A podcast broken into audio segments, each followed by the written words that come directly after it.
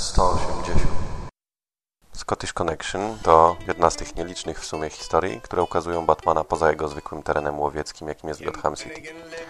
Tym razem playboy Bruce Wayne odwiedza Szkocję, gdzie bierze udział w pogrzebie szczątków jednego ze swoich dalszych przodków. Tak, tak, gdybyście jeszcze nie wiedzieli, rodzina Wayne'ów ma szkockie korzenie.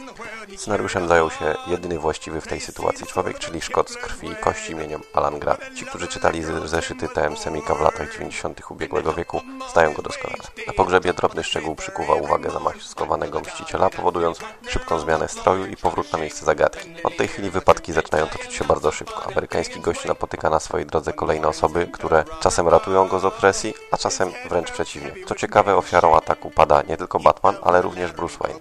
Ciężar podejrzeń przenosi się dosyć płynnie z jednej postaci na drugą, a rozwiązaniem zagadki jest zadawniona krzywda sięgająca 200 lat wstecz i związana, nomen omen, z przodkami Wayne'ów od strony prababki Bruce'a, czyli z klanem Magda. Grant tym razem spisał się na medal, w odróżnieniu od serii przygód z sędzią Dreadem, gdzie jego forma wyraźnie spadła. Historia podzielona na cztery rozdziały czyta się w zasadzie sama. Scenarzysta prowadzi nas umiejętnie i sprawnie, przeplatając znane z historii i rzeczywistości wątki i miejsca z fikcyjnymi przypadkami i postaciami. Dodatkowym smaczkiem w tej historii jest Alfred, momenty komiczne. Postać ta, często pomijana zupełnie, jest nieodłącznym elementem mitologii Batmana i Grant zawsze o tym pamiętał. Stary kamerdyner jest w swoim żywiole i gdy zakapturzony mściciel ratuje świat, on bawi się wręcz doskonale.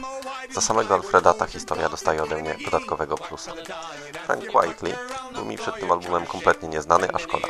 Ma wyrazistą, ciekawą kreskę, rysunki są ciasne, pełne szczegółów oddanych cienkimi liniami. Bruce Wayne w jego wykonaniu wprawdzie trochę za mocno przypomina Sylwestra Stallone, ale przywodzi też na myśl wersję Joe Quesady, a to wiele znaczy. W komiksie jest też chwila, która zapiera dosłownie dech w piersiach, a jest to całostronicowy panel z kaplicą w Roslin.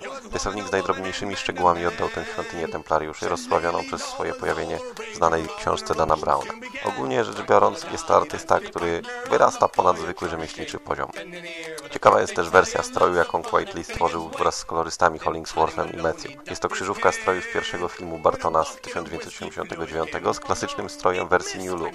W całości ciemnoszara, bez odróżniających się butów i rękawic, z czarnym kapturem i peleryną. I gdybyś tylko nie te milerowskie krótkie uszy.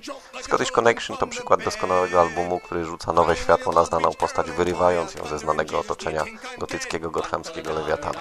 Pod tym względem jest to prawie jak Ellsworth. Przywodzą też na myśl wyprawy Batmana na Tahiti w poszukiwaniu rodziców Tima Drenka, czy jego wizytę w Kalifornii, obie zresztą również pióra Alana Granta. Na pewno warto po niego sięgnąć, zwłaszcza, że jest dosyć dobrze dostępny. Wyszedł nie tylko w Stanach, ale także w Wielkiej Brytanii, gdzie wydało go Titan Books. A do tego niedrogi. Pozdrawiam. Godaj.